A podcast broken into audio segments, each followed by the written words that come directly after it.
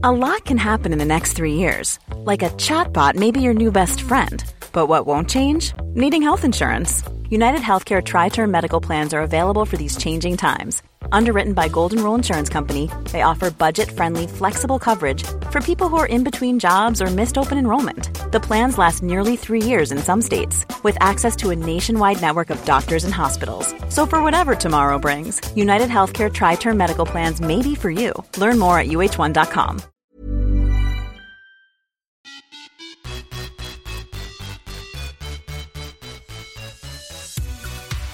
Hej Sara! Hej Josefin, hej podden! Hej podden igen. eh, ja, vi har fått in väldigt mycket frågor som vi tänkte besvara i det här avsnittet. Så det är vårt första frågeavsnitt. Ja. Vi har ju bemött lite frå frågor vi har vävt in förut i andra Eh, speciellt förra avsnittet. avsnittet ja. Mm. Så har ni kikat in en fråga som handlar om träningsprogram eller mer liksom med hur man tar sin, hur man kommer igång med löpning eller mm. höjer sin nivå. Då får ni lyssna på förra avsnittet ifall att ni inte Precis, gjort det. Precis, då kan svaren finnas där. Exakt, er fråga är inlindad där då. Exakt. Eh, och jag tänker att vi bara kör igång. Ja, kul. Jag har ja, inte sett alla frågor. Jag har ju alla frågor framför mig ja. just nu, det har inte Sara. Jag, har, jag har skickat mina lite. till dig så du har alla. ja, eh, vi kör igång. Eh, vad har vi för pers på olika distanser? Är det en som undrar här. Mm. Ska vi börja med dig Sara? Ja. Mm. Jag, jag har ju en lång du lista här nu. Så. Lista.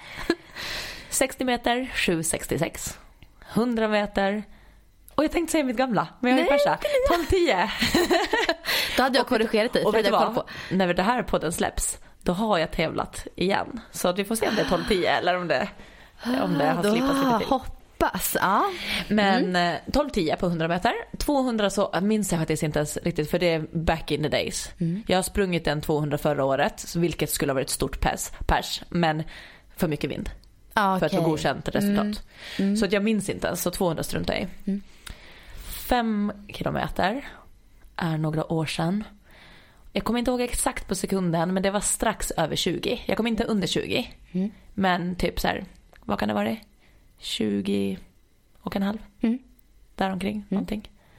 Och sen har jag sprungit milen på ja, 45-30. Mm. Jag hade målat komma under 45 och mm. det gjorde jag inte. Men det var ju ändå pers. Så ja, ja. 45-30. Mm. Eh, och sen halvmara mina resultat blir sämre ju längre det blir. Nej, men jag är faktiskt, alltså, jag hade ju några år där jag sprang ja. lite långlopp. Så jag har sprungit på 1.48. Mm. Tror jag att det var. Och någon, några sekunder till, jag kommer inte ihåg sekunderna. Men 1.48. Men du får inte prata ner dig själv här nu för det är Nej. jättefina resultat. Ja, och jag är jättenöjd. Ja. Jag tycker ändå, alltså, eh, jag har sprungit tre stycken halvmara. Mm. Um, och jag tycker absolut, alltså, jag tycker det är bra resultat. Mm. Men kollar man statistikmässigt så blir ja. det sämre ju längre ja, distansen blir. Jo men för fem kilometer har du ett bra tempo då på. Ja den är faktiskt bra och, då, ja. och det var samma år som jag tror jag också sprang mitt snabbaste halvmara också. Så jag var mm. liksom i en mm. distansträningsform. Mm. Eh, så att jag höll inte på med sprint då utan då tränar jag för för det här. Det här är ju en anledning till att det är svårt att kolla i sina tabeller för om man springer femman på den här tiden, vad ja. kan jag springa morgon på då? Exakt, jag borde varit det, det är här det inte stämmer i de här fallen. Du är ju snabb och lite mer ja, sprintersnabb. Ja. ja. Men det liksom, jag, jag vågar liksom inte hålla mm. en, det går för mycket kraft. Mm. Så det är väl mina personrekord och längre än halvmara har jag aldrig sprungit. Nej. Men det är ganska långt också. Ja, mm. dina då? Eh, ja, mina... Kommer du ihåg dina gamla friidrotts? Nej, det minns inte jag. Jag minns Nej. verkligen inte vad Nej. jag sprang på. Inga banrekord här. Sen jag har tyvärr inte det. Det hade varit kul att kolla upp alltså. Ja, det, det finns säkert. Ja, det lär det finnas. Eh, nej, men jag har ju fem kilometer 19 och 29. Mm. Eh, 10 kilometer 41 och 51 och det här var ganska många år sedan nu. Ja. Eh, och nu, alltså jag, jag skulle vilja testa att köra 10 km igen här snart för jag har ju petchat på alla distanser. Mm. Men 10 har jag det... inte tävlat på jättelänge. Nej. Eh, halvmaran 1.34 och maran 3.18. Mm. Ja, det är mina personliga rekord. Den känns ju mer som att den stämmer i tabellerna. Ja, det gör den. Och det är alltså du är ju liksom ganska jämnsnabb på... Ja, faktiskt. Nu ser det ganska jämnt ut. Förut så hade jag ju maraton som alltså låg efter eftersom att jag inte har kört så mycket maratonlopp mm. förut. Och den blir bättre och bättre nu hela tiden. Ja. Uppenbarligen. Så nu stämmer den i tabellen ganska bra tror jag mina Ja, tider. för Det ska ju bli långsammare snitt. Men Ja. eh, un- ungefär Ja. rätt procent- procentuellt. Liksom, Jag droppar ju lite för mycket Ja. ju längre det blir. Men det är också för att jag har inte tränat på det lika mycket. Nej, exakt. Det är inte så konstigt. Eh, nästa fråga. Mm. Vad är vår favorit träningsutrustning? Vad springer vi i? Ja. Prylar, skor, kläder? Den får du ta för. Du har nog mera prylar än mig tror jag. Ja. ja, en pryl jag alltid springer i det är löparryggsäck. Eller väst kanske snarare. Där man kan ha en sån vätskeblåsa i om man vill om man springer långt. Mm. Eh, du kan ha telefonen i. Vilket jag alltid har med mig i princip i den väskan. Du kan ha en extra vindjacka tunn att lägga i. Ja. Eh, ja. Tillbaka till väskan för du Ja. visade en gest här. Att när du sa att Ja. man kan ha telefonen i så visar du fram på, på, då har du telefonen alltså fram på, på remmen. ja, precis. För det är ju ganska smart för jag tänker annars äh, ligger bak i så kan man lika bra nästan vara utan den för man Mm. Nej, tar ju inte den av är sig fram väskan. till. Ja, så Mm. fickan ligger på axeln. Mm. Mm. Och det är alltså Salomon som jag typ alltid har haft. Så man är Eh, redo för en selfie när som helst. Exakt, det måste man ju vara. Alltid redo. Eller så lyssnar man på podd när man ja exakt och kan ändra lite och så också. Ja. Mm. Eh, nej, så det har jag alltid. Eh, annars prylar jag, just nu springer jag med Saucony-skor såklart. Eh, och har haft dem som favoritskor ganska länge faktiskt. Eh, tycker de är grymma.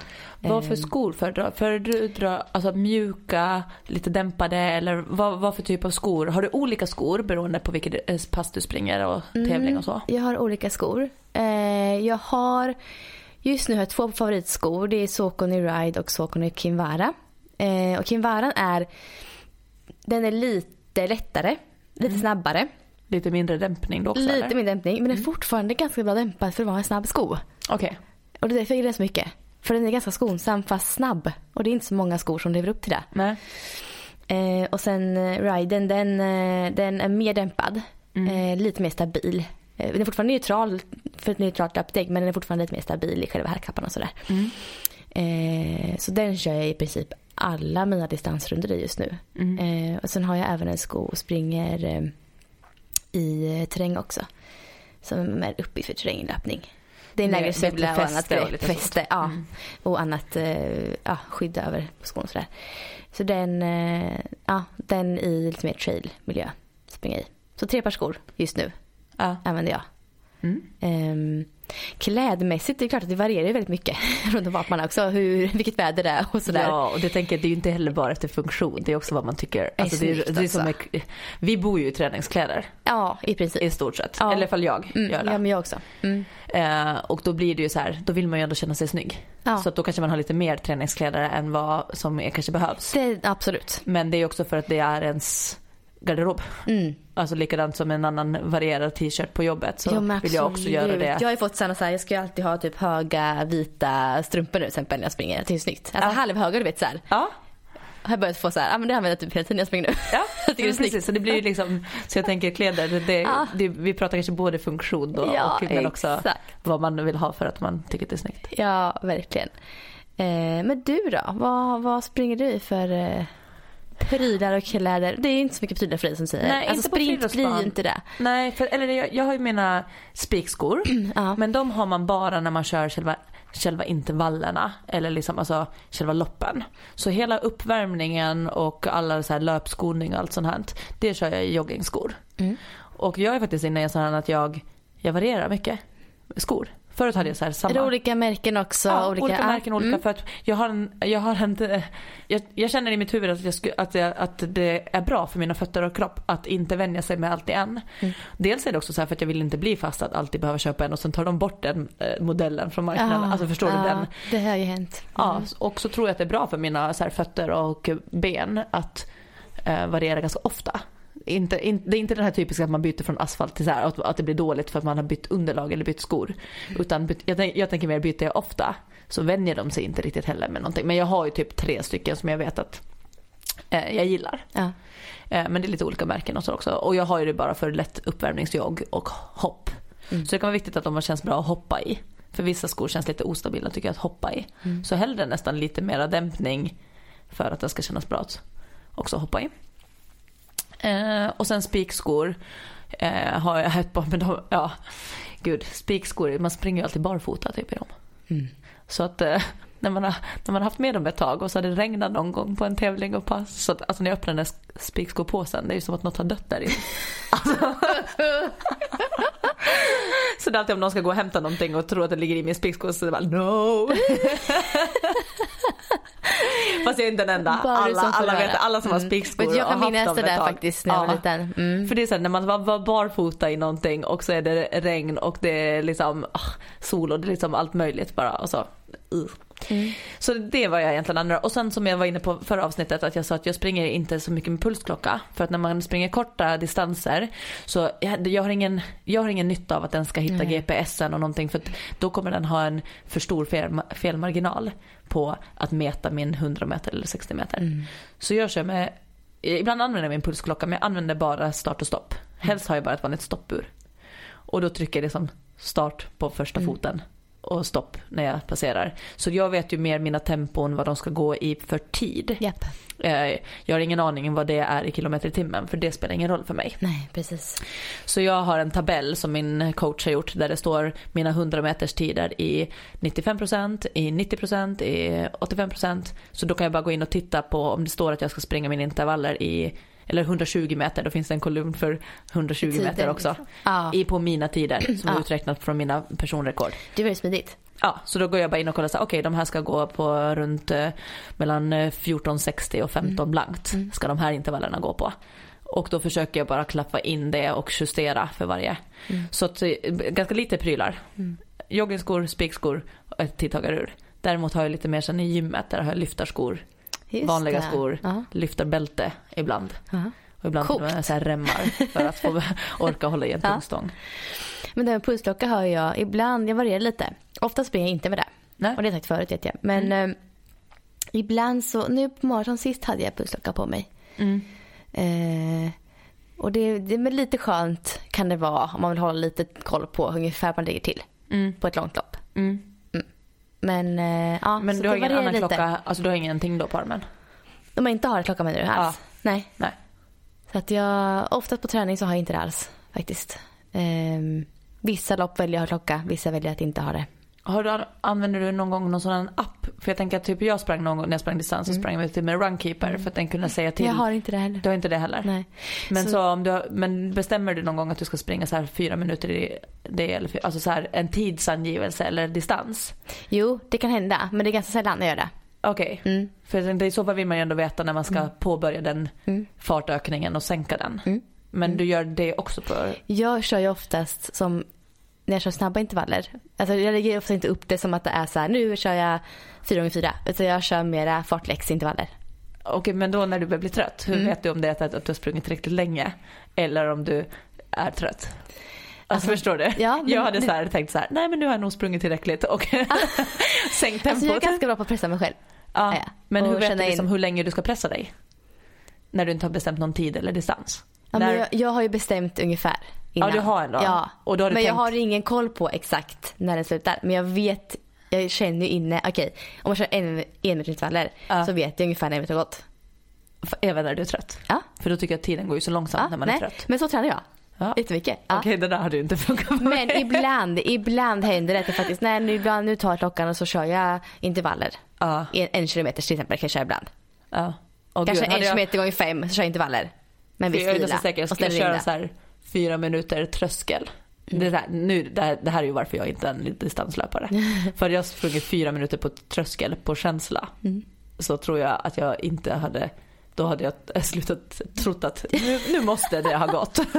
och så skulle jag säkert liksom varit halvvägs in. Nej men jag, nej, jag funkar så. Jag kör väldigt mycket på känslan när jag springer, även eh, intervaller. Okej. Eh, då bestämmer jag bara så här, men jag ska springa typ en mil idag och jag kommer eh, ha inslag av, eh, säg att man har fyra gånger fyra minuter ungefär inslag Ja. av. Tänka så här i huvudet liksom. Eh, och då börjar jag jogga sakta först och sen så ökar jag på och så kör jag ungefär en kilometer, vet jag Ja. att det kommer bli. Eh, I ett lite, lite obekvämt tempo, men inte så så att jag håller på att dö. Och så joggar jag lite och så kör jag en sån intervall till.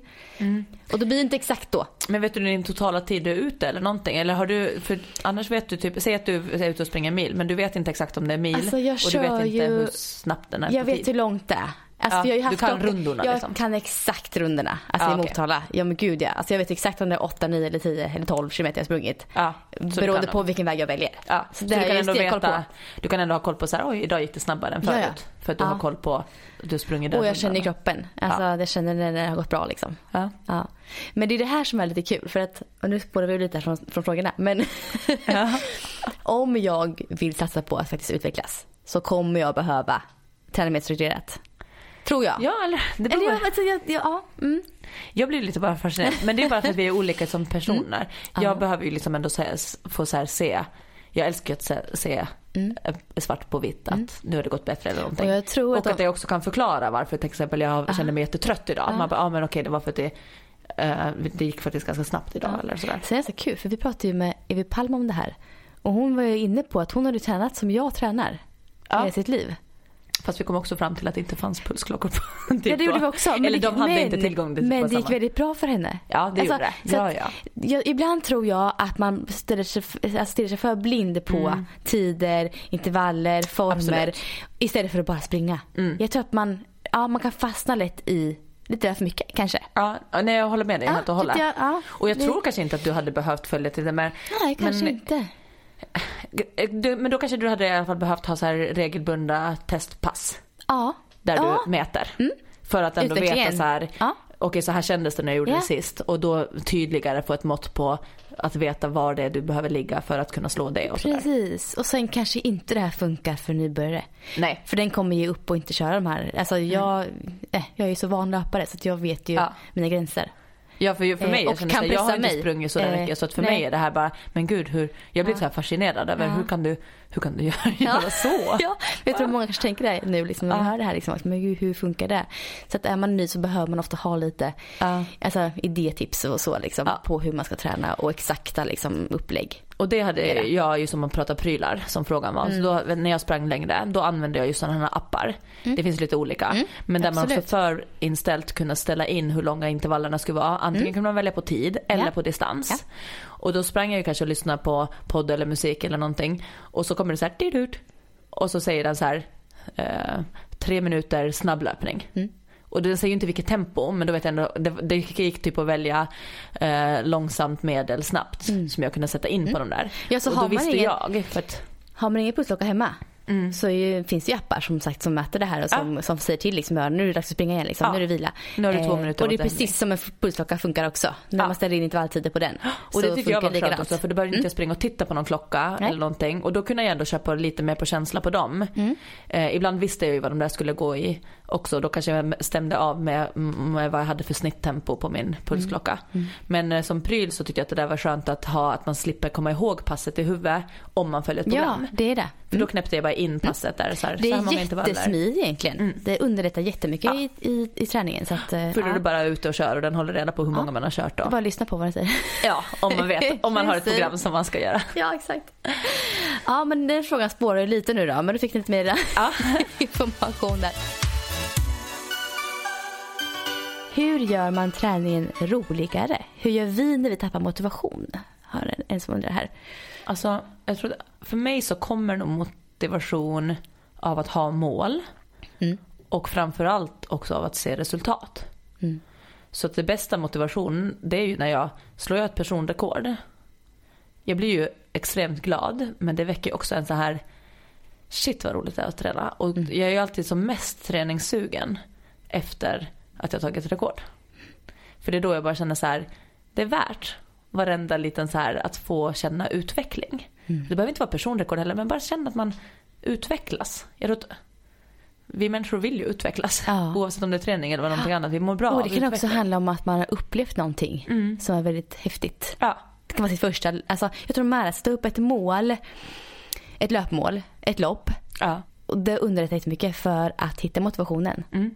Och när man väl genomför det, som sagt så får man ännu mer motivation till nästa. Ja. ja men det är ju så att veta sitt varför. Ja, Och ha ett, ett lopp blir väldigt konkret. ja men Varför det blir det. du? Det underlättar jättemycket. Ja. Ja, då vet man så här, men jag ska springa det. Mm. Jag kan svara varför tränar du? Så här, jag vill bli snabbare. Mm.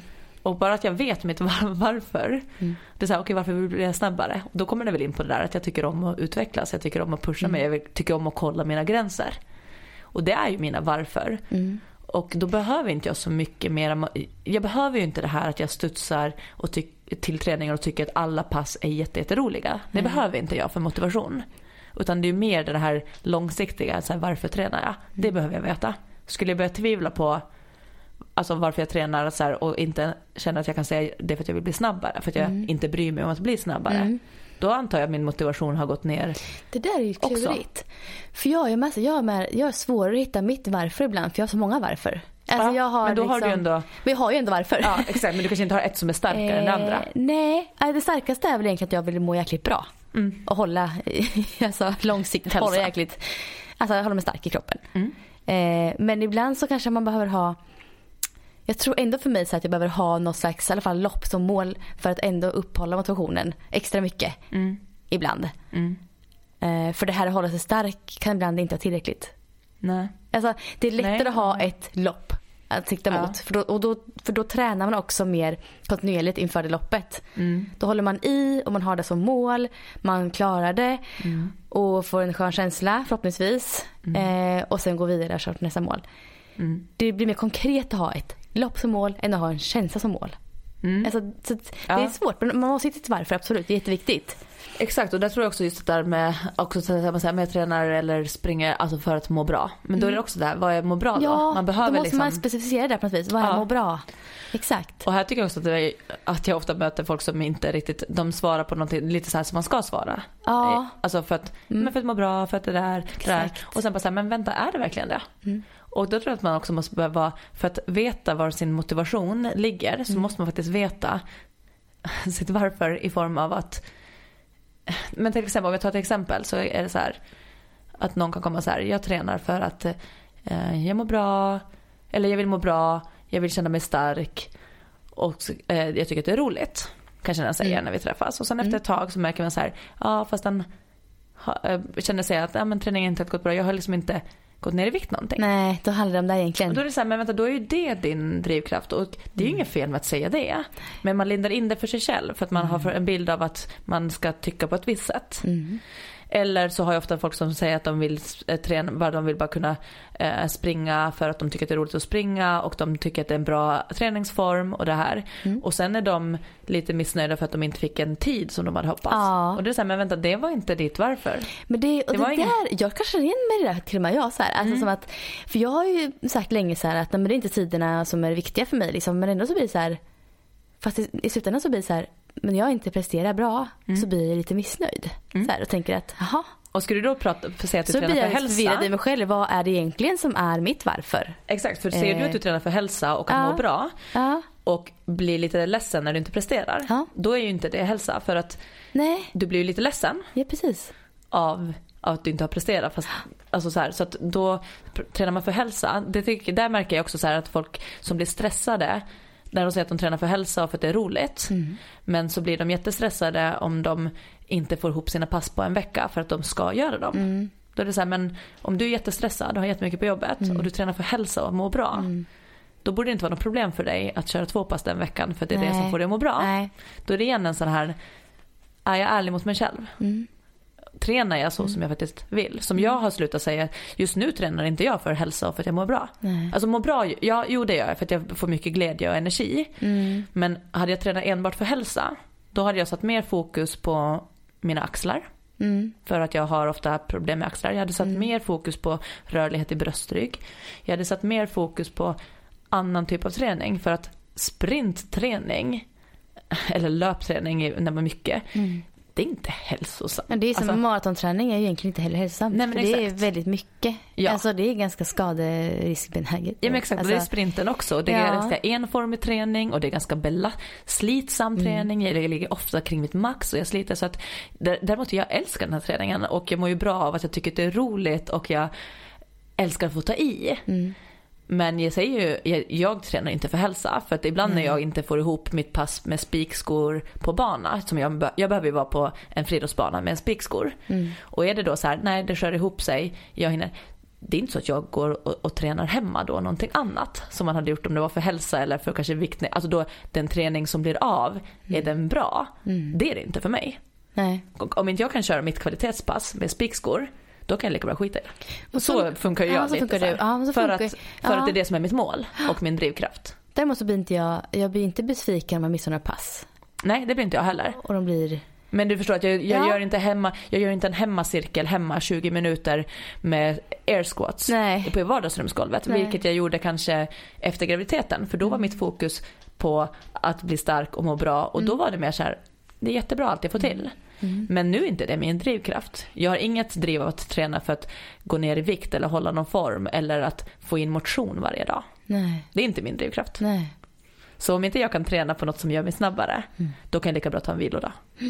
Ja, men alltså hitta sitt varför är ju absolut jätteviktigt. För att hitta motivation till sin träning. Så det tror jag är det bästa motivationstipset. där- Och vara ärlig med sig själv. Var ärlig, precis. Vad driver dig? Vad, Ja. vad, vad vill du få ut av det här? Mm. Och, och se till att du tränar på ett sätt som du får ut det du vill Det är ju det. få. Ja, Och får du inte det, ta hjälp av någon. ja. Gör det. Liksom så här, sätter du ner tre gånger i veckan. Eh, tränar du för att det är roligt att må bra, se till att du tycker att det är roligt att må bra. Ja. Välj den träningsform som du Som är rolig tycker är då. rolig. Alltså, ja, Stå precis. inte på en cross-trainer i en timme. För jag tror inte att du tycker att det är jätteroligt. Nej, nej. Till nej. exempel. Jag ska faktiskt, jag tänker så här nu, jag ska faktiskt fundera riktigt noga så här på egentligen nu, vad är mitt varför nu framöver? Mm. Det ska jag göra. För jag känner att jag har så många olika varför som, som kommer in och petar så här. Så vet jag inte riktigt vilken som jag ska fokusera på. Ja, om man sagt, nu, jag kanske lite hård, man behöver inte så exakt. Men jag tror att det ändå är bra att Men jag tror reflektera. att det är det. Och speciellt om man känner att motivationen är lägre. Då behöver man fundera kanske lite Mm. I och för sig så är inte min motivation så låg. Nej men Den exakt, och därför rullar det på. Och därför Ja. behöver inte du veta exakt varför det är. För att eh, du har tillräckligt många varför Ja. för att det ska rulla på och du gör det. Precis. Men det kanske finns någon som inte har något varför alls. Ja. De bara så här, eller så tänker de att jag vill komma i form och därför vill jag börja springa. Alltså, Ja men exakt och Men då, då blir det också det- ett konstigt, då blir det ett om, det blir som ett tvåstegsled. ja exakt. Men däremot kan det ju vara så här, ja men jag tränar för att jag vill orka för mina barn. Det kan ju ändå vara ett Mm. Det bra kan vara varför att jag bra tränar för mina barn. Mm. Det kan det Absolut. Mm. vara, även om inte jag gillar då att träna. Men det kanske hjälper ändå att få det, alltså jag vill vara den förebilden till barnen. Eller Mm. jag mår bra av att träna för det. Alltså så. Jag ska vara så här, ah, men jag vill kunna springa en mil. Ja, Mm. och då kan, det må, då kan det vara så här, ja, då börjar den träna och så kör den och springer en mil, klarar av loppet och då kanske den har fått massa motivation av det här. Ja, av den här så, processen. det. Och då växer motivation fram istället. Ja. Och, så det funkar också. Mm. ja. eh, nästa fråga. Eh, tips på våra roligaste lopp som vi har sprungit. Mhm. Har du något sånt? Ja alltså. Ett var ju faktiskt det som jag, vi pratade om här för något avsnitt, Bauhausgalan. För att det var så, så häftig upplevelse för mig. Ja.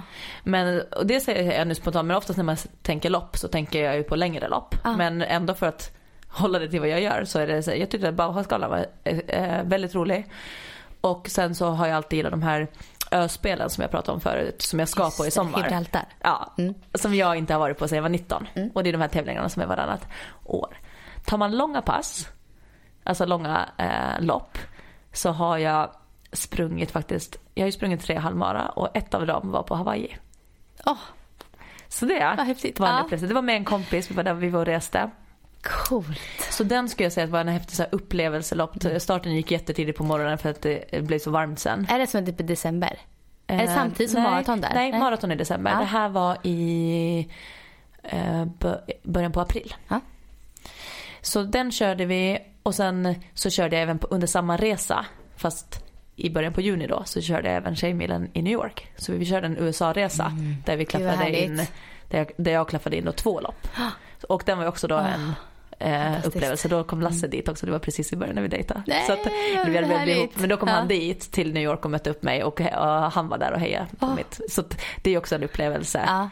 Eh, så det är mina bästa lopp. Ja. Vad har du för några? Och det är så svårt att välja. Mm.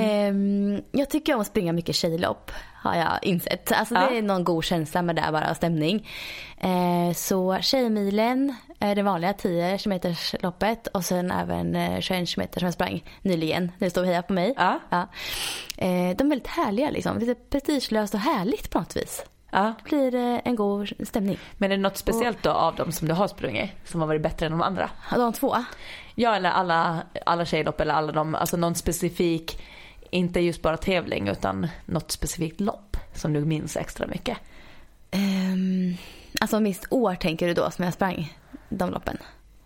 Vad sa du? Men är det någon visst, någon visst, alltså något visst år då som jag sprang de Nej, här utan bara Är något lopp bara- som, eh, som du minns med extra mycket. Alltså det kan vara bra prestation eller upplevelse eller någonting. Alltså det är bara... ju egentligen både, ja men det senaste jag sprang här nu var Ja. ju ett sånt lopp som var eh, väldigt skön känsla för att jag hade varit sjuk innan och trodde inte jag skulle kunna springa överhuvudtaget. Så Ja. jag sprang ändå och eh, det gick det. jäkligt bra och väldigt härligt. Ja, och fint och, är- väder. Ja, fint väder. Och sen mitt pace från 10 km är från Tjejmilen typ 2000, ja vad kan det vara? Sex kanske? Nej men det är ganska länge sedan nu. Ja.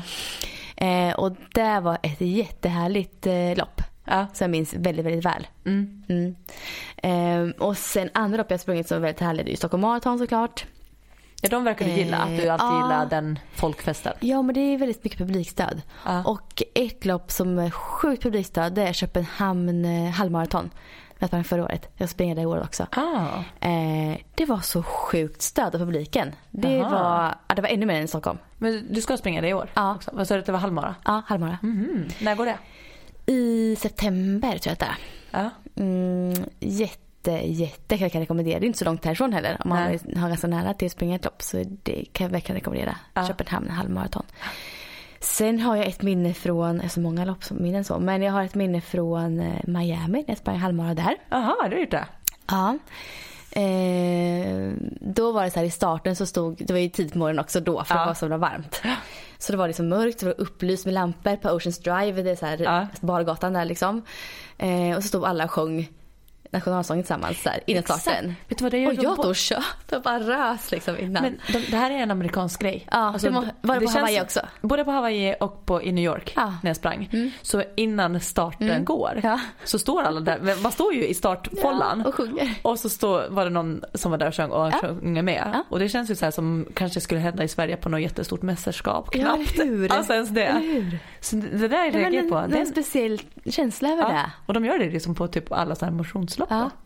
Så himla coolt. Nationalsången innan och sen Ja. let's go. Nej men lite så. De väl loppen som kan minnas sådär. Jag tänker utomlandslopp blir det alltid kanske liksom någon extra för att det är en Ja. upplevelse av resan också. Ja, Liksom. ja det blir det. Jag kom på andra lopp som jag faktiskt tycker att är jätteroliga, som jag egentligen bara gjort ett. Det är ju faktiskt så här Toughest har jag Ah, kört. ja. Det finns ett Tough jo, Viking men det har jag olika. gjort. Vänta. Toughest är Tough Viking. Tough Viking körde jag ett år. Ja, jag kör Toughest tror jag, men det är typ samma grej. Ja, det är det. Det är också jätteroligt tycker jag. Det ja, sånt det, gillar jag. Ja, det håller jag med om. Ja. Det För då blir det både löpning och så här, eh, och k- klättra och liksom lite. Ah. Och då blir det också tycker jag lättare att springa för att man tar liksom det blir så liten i taget. Man Mm. ser liksom inte hela sträckan. Nej, exakt. Nej, men Så det händer det. någonting på vägen liksom också. Mm. Så har man inte testat det och tycker ändå att det är roligt med lite så här andra utmaningar. Eller om man har sprungit mycket men du vet ibland så behöver man ju liksom så här backa bort för att man fastnar i att jämföra sig mot gamla tider. Till exempel att man varit Mm. bättre. Eller så. Då kan ju sådana här lopp vara väldigt roliga för att det är också väldigt svårt att jämföra sig mot gång till gång. För banorna är olika och sånt. Så då, om man gillar att springa lopp men tycker att det är lite jobbigt med den här prestationsgrejen och Ja. att man ska jämföra sig.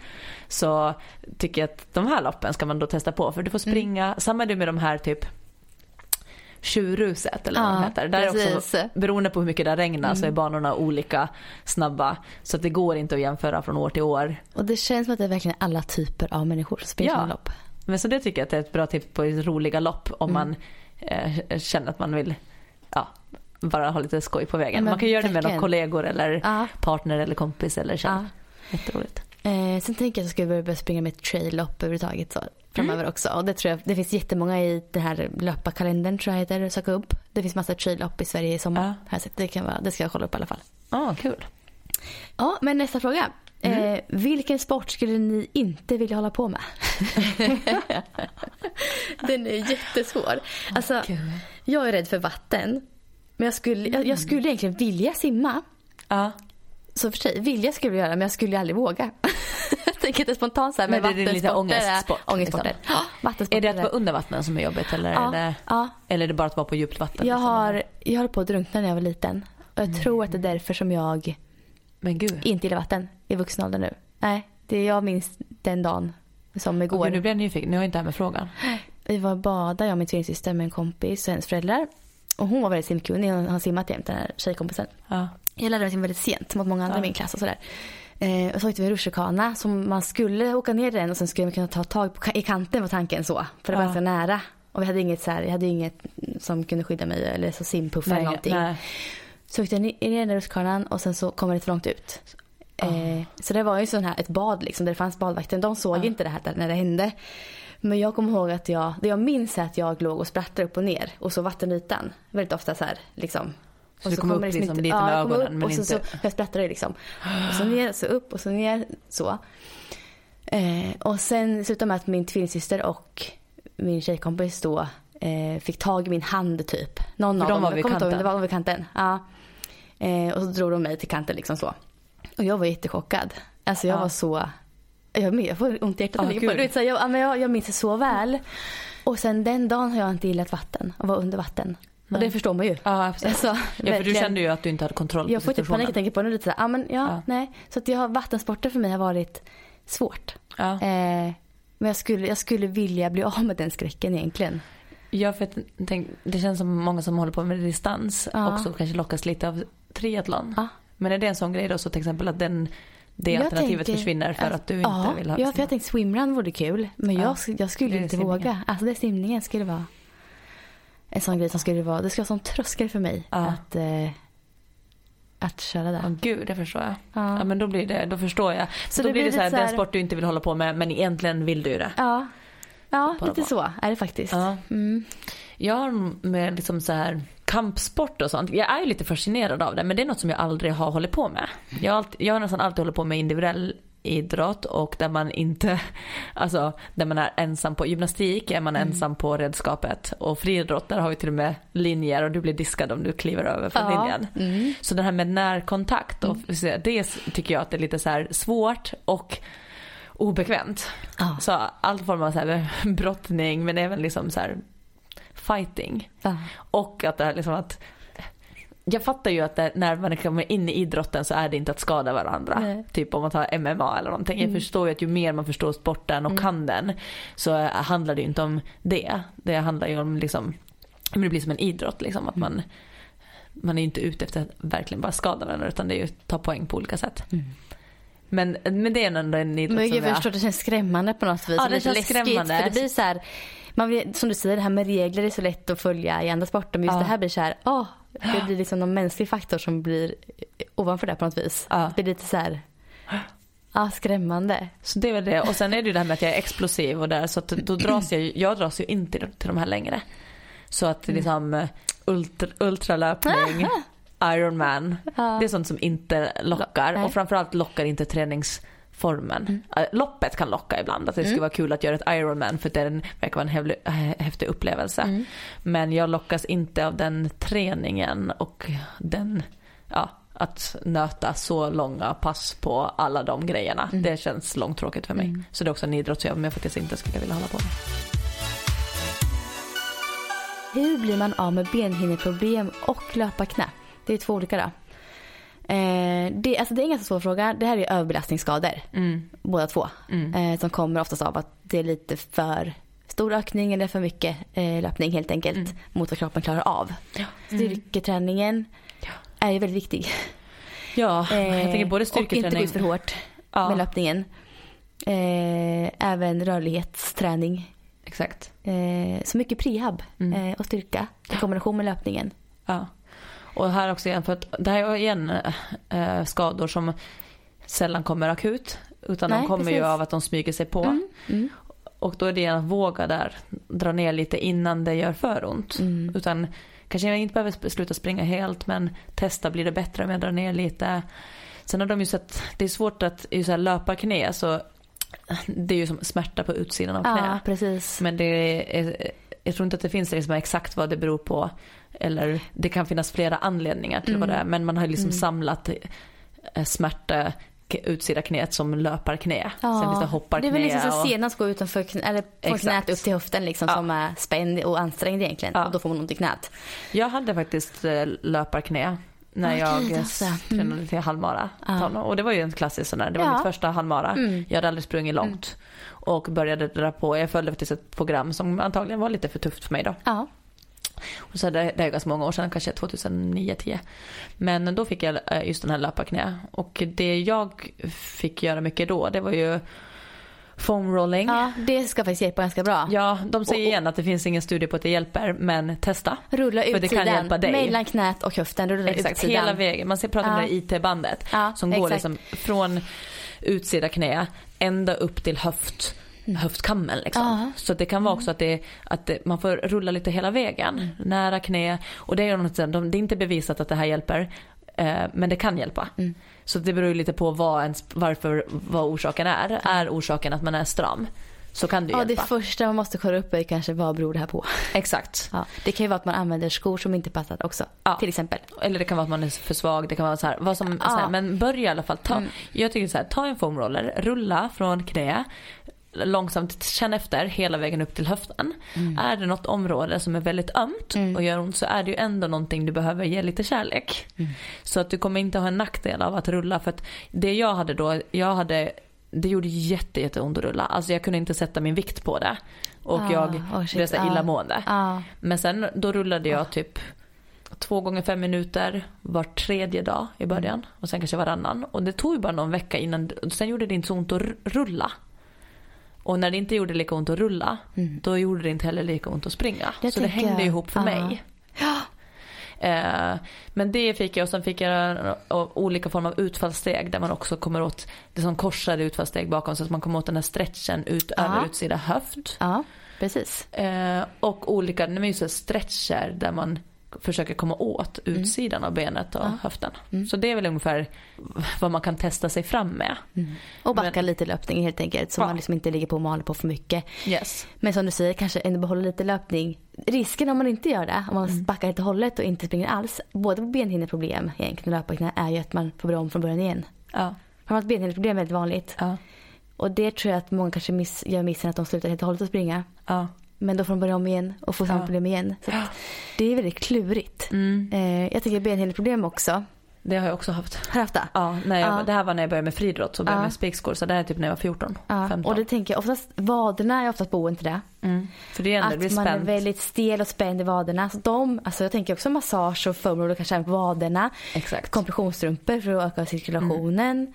Och lite skonsammare underlag kan Absolut. hjälpa. Ja. Mm. För, det kommer ihåg, för mig var det värst när jag sprang med spikskor. Och då kan man säga att spikskor har ingen dämpning överhuvudtaget. Nej. Och under de här gummifriidrottsbanorna så är det cement. Mm. Så att det var ju liksom så hårt att springa på. Så under den här perioden kunde jag springa eh, barfota på gräs. Mm. Det funkade. Så jag sprang mina intervaller på gräsmattan. Ibland barfota, ibland med joggingskor. Mm. Och så tävlade jag sen i spikskor. Men så, så kunde jag liksom fortsätta springa. Mm. Eh, och sen mycket massage, mycket trycka Ja. på de här onda. Det är lite samma som att Ja. foamrolla sidan. Ja. Trycka på längs smalbenet. Ja. Om det är insida utsida beroende på var man har Ja. ont. Och hittar man, där hittar man oftast där punkter också. och punkterna. Ja, det jag Malin Gävle prata om en del i. Ja. Ja, så det vet jag. Jag vet att det fanns till och med någon massör som Mm. tryckte loss den där hinnan. Så man trycker tills det är helt, men det gör ju fruktansvärt ont. Åh, det låter så hemskt. Ja, men då vet man att sånt kan ju ändå hjälpa. Mm. Just att så här, trycka och m- mjuka upp och cirkulation Ja, i absolut. områdena. Ja. Eh, ja, men lite bra svar där tycker jag vi fick till va? Mm. Mm. Eh, sjukdom och träning undrar någon över här också. Eh, riktlinjer och varningstecken. Hur gör vi och hur behöver man förhålla sig till detta? Ja, hur gör du? Alltså jag tänker ju alltid feber, halsont, då är det helvila. Ja. Definitivt alltså. Och några Samma dagar här. efter också. Det, då är det vila. Ja. Eh, förkylning, ja då brukar jag också vila faktiskt. Eh, om det inte är så här precis i slutet, jag har varit förkyld länge och det ligger kvar Exakt. någonting bara som inte bara försvinner men jag mår jättebra i övrigt. Precis, typ såhär Då- täppt näsa. Ja, då kan jag köra.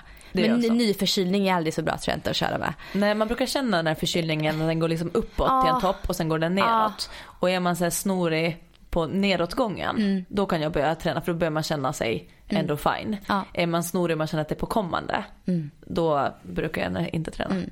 Eller det beror på lite, man känner ju lite. Jag tycker det är ganska lätt att avgöra. Ja, men just som du Alltså- sa, halsont eller feber, Ja. då är det inte ens, då funderar jag inte ens Nej på inte det. Nej. Nej, och så har jag med alla kunder också. Och det är dels för deras egen hälsa, men också för att att gå in på gymmet eller springa på ett löpband på gymmet och det är folk som tränar bredvid. Det är inte Mm. schysst mot dem Nej. heller. Nej. Eh, man, det smittar väldigt lätt när man själv är, alltså om när man själv tränar Mm. så vill man inte vara bland andra som är sjuka. Liksom. Nej, och tränar man är halvsjuk är aldrig bra. Då, drar- då kommer det bara dra ut på tiden. Så vila om man känner sig sjuk alltså.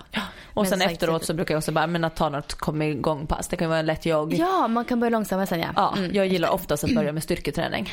För jag tycker att det känns skönare för om jag har varit sjuk. Att börja väcka kroppen i form av rörelser där pulsen hela tiden får vara låg.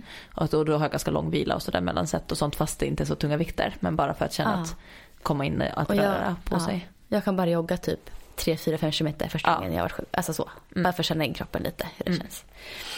Kan man som vuxen 28-åring börja med sprint? Jag kör mest styrka nu. Hon skriver att hon bor i Linköping men hittar bara sånt för barn och unga. Det är svårt för oss att svara kanske på Linköping hur det ser ut där exakt. Ja. Eh, möjligheterna så. Men kan man börja när man är 28? Med sprint? Ja, absolut det tror jag. Och speciellt, speciellt om hon sa också att hon här, tycker om styrketräning Ja, och gillar precis. den. Då, då tror jag att det är ett roligt och bra komplement.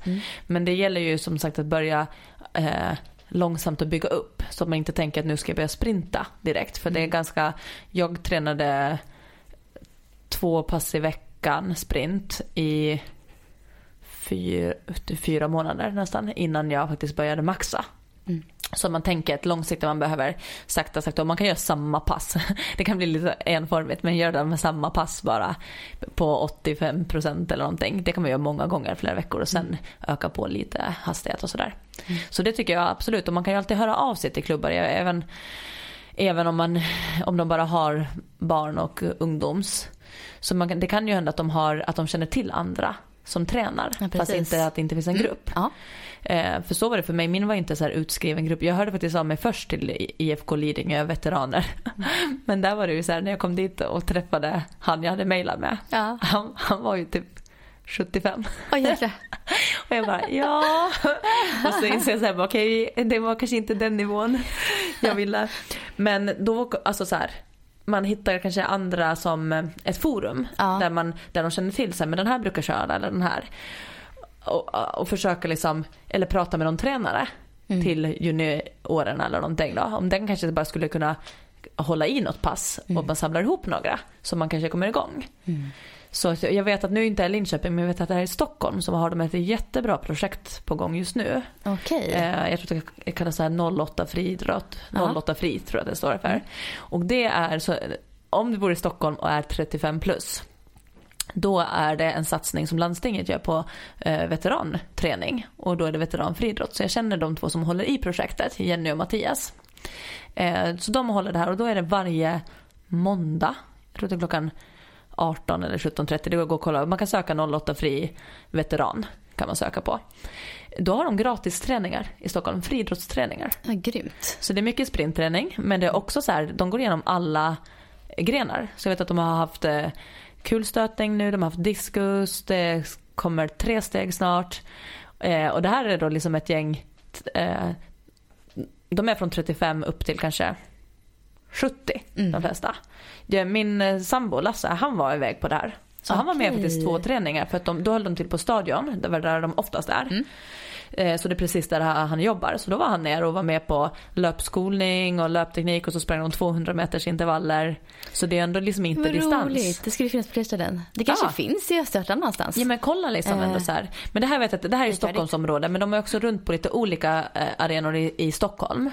Men det här är gratis att vara med på. Och det är ju ex, alltså så bra att om man vill testa på något nytt, om man vill lära sig lite löpteknik, om man vill träffa andra. Som, så det här är ju liksom ett socialt projekt också. Att man ska liksom börja så här, träffa andra som tränar som är över 35. Eh, så de, och de kommer hålla på hela sommaren vet jag. Okej. Så för det är veteran-SM i slutet på augusti. Ah. Så de håller på fram till det och det finns chans att det kanske kommer förlängas där, projektet. Så roligt projekt. Så du i Linköping kan ju åtminstone kanske komma upp till Stockholm någon gång. Ja, och haka på de här för att få Och lite de kanske inspiration. vet också mer vart man ska Ja men precis, det kan ju vara ett bra att, eh, nätverk. ja, Eller, höra av sig till, till, eh, de heter Jenny Åkervall och eh, Mattias Underborn. Mm. Det är de två som håller i det här projektet. Eh, Så att man kan absolut höra av sig till dem. För de jobbar ju med det här nu på typ 75 procent tror jag. Hela det här projektet. Eh, vi har en sista fråga här nu. Ja. Eh, här är en tjej som vill persa på milen med tre månader kvar till loppet. Hur ska jag göra? jag gissar på att det är Tjejmilen i augusti, men det är bara gissning. ja. Får vi se hur det går. ja, men hur ska du göra? Ja men alltså jag tänker ju, det är väl jättebra för henne att kanske hoppa på ett program som finns. Eh, ja tre månader, det är ju ändå, då tre, pratar vi fyra, 12 veckor, 12 veckor har hon. Eh, och det är ett milprogram hon ska hitta. Det lär ju finnas sånt väldigt bra säkerligen. Ja, det på. känns som att de ofta är runt 8-12 veckor, ja. programmen. Mm. Eh, och just för att springa bra på milen så krävs det lite snabbhet tänker jag. Så intervallpassen blir ganska viktiga för henne. Mm. Men även snabbuthålligheten. Ja, här beror det igen på eh. vad är dagsläget. Ja, så så måste, vi vet ju inte liksom hennes, är det Persa eh, och hon bara har sprungit en gång mm. förut. Mm. Då är det kanske bara att hålla i sin träning. Nej men exakt, vi vet ju inte alls hennes nuläge. Nej, så har hon sprungit några då. stycken och ska persa då är det liksom lyssna på förra avsnittet. Där ja. pratar vi mycket om hur man tänker kring ja, program. Precis. Hur man kan lägga upp det liksom för att få det mer personligt. Ja. Eh, och sen jag gillar just att milen är fortfarande ett ganska kort lopp. Vi behöver, ja. Man har fördel av att vara snabb, man har ja. fördel av att vara stark. Ja. Så att jag gillar ju all form av löpskolning, starka fötter och mm. fotblad. Mm. Så man kan, orkar ha den här lite kortare kontakttiden mm. på, på marken. Mm. Men det är ju kanske då framförallt om man har kommit en bit i sin mm. ja. löpning att verkligen börja fokusera på att ja, mm. jag ska ha kort kontakttid mm. på varenda steg. Jag gillar tanken typ snabba intervallpass, jag tänker backträning, backpass också ja. Eh, för att få upp löpstyrkan. Exakt. Ehm, för milen går snabbt om man börjar ja, komma upp på en nivå. så där ska man ändå komma upp i lite snabbare pass om man jämför med min maratonträning nu så ja. det här är helt annat. Exakt, så jag skulle ehm. också säga att är det hastigheter du jagar så träna, träna på att springa snabbt. Ja, absolut. Mm. Ja. Nej men det var alla frågor vi har fått in just nu. Ja. Eh, så det är några frågor vi fått som vi inte tagit med just för att vi kommer ta upp dem i ett större sammanhang och kanske till ett avsnitt också. Ja, exakt. Så det kommer komma lite andra framöver. Så jättekul att ni, eh, ja, att ni är engagerade i mm. podden. Mm. Ja, jätteroligt. Jätteglad för det. Eh, så ja, vi säger tack för oss för idag. Ja, tack så mycket. Tack så mycket. Hej då. Hej.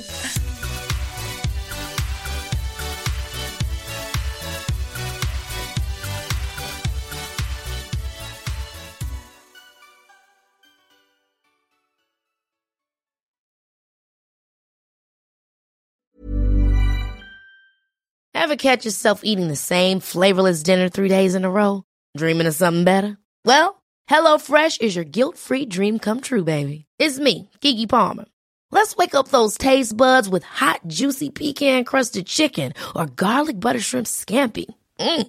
Hello Fresh. Stop dreaming of all the delicious possibilities and dig in at HelloFresh.com. Let's get this dinner party started.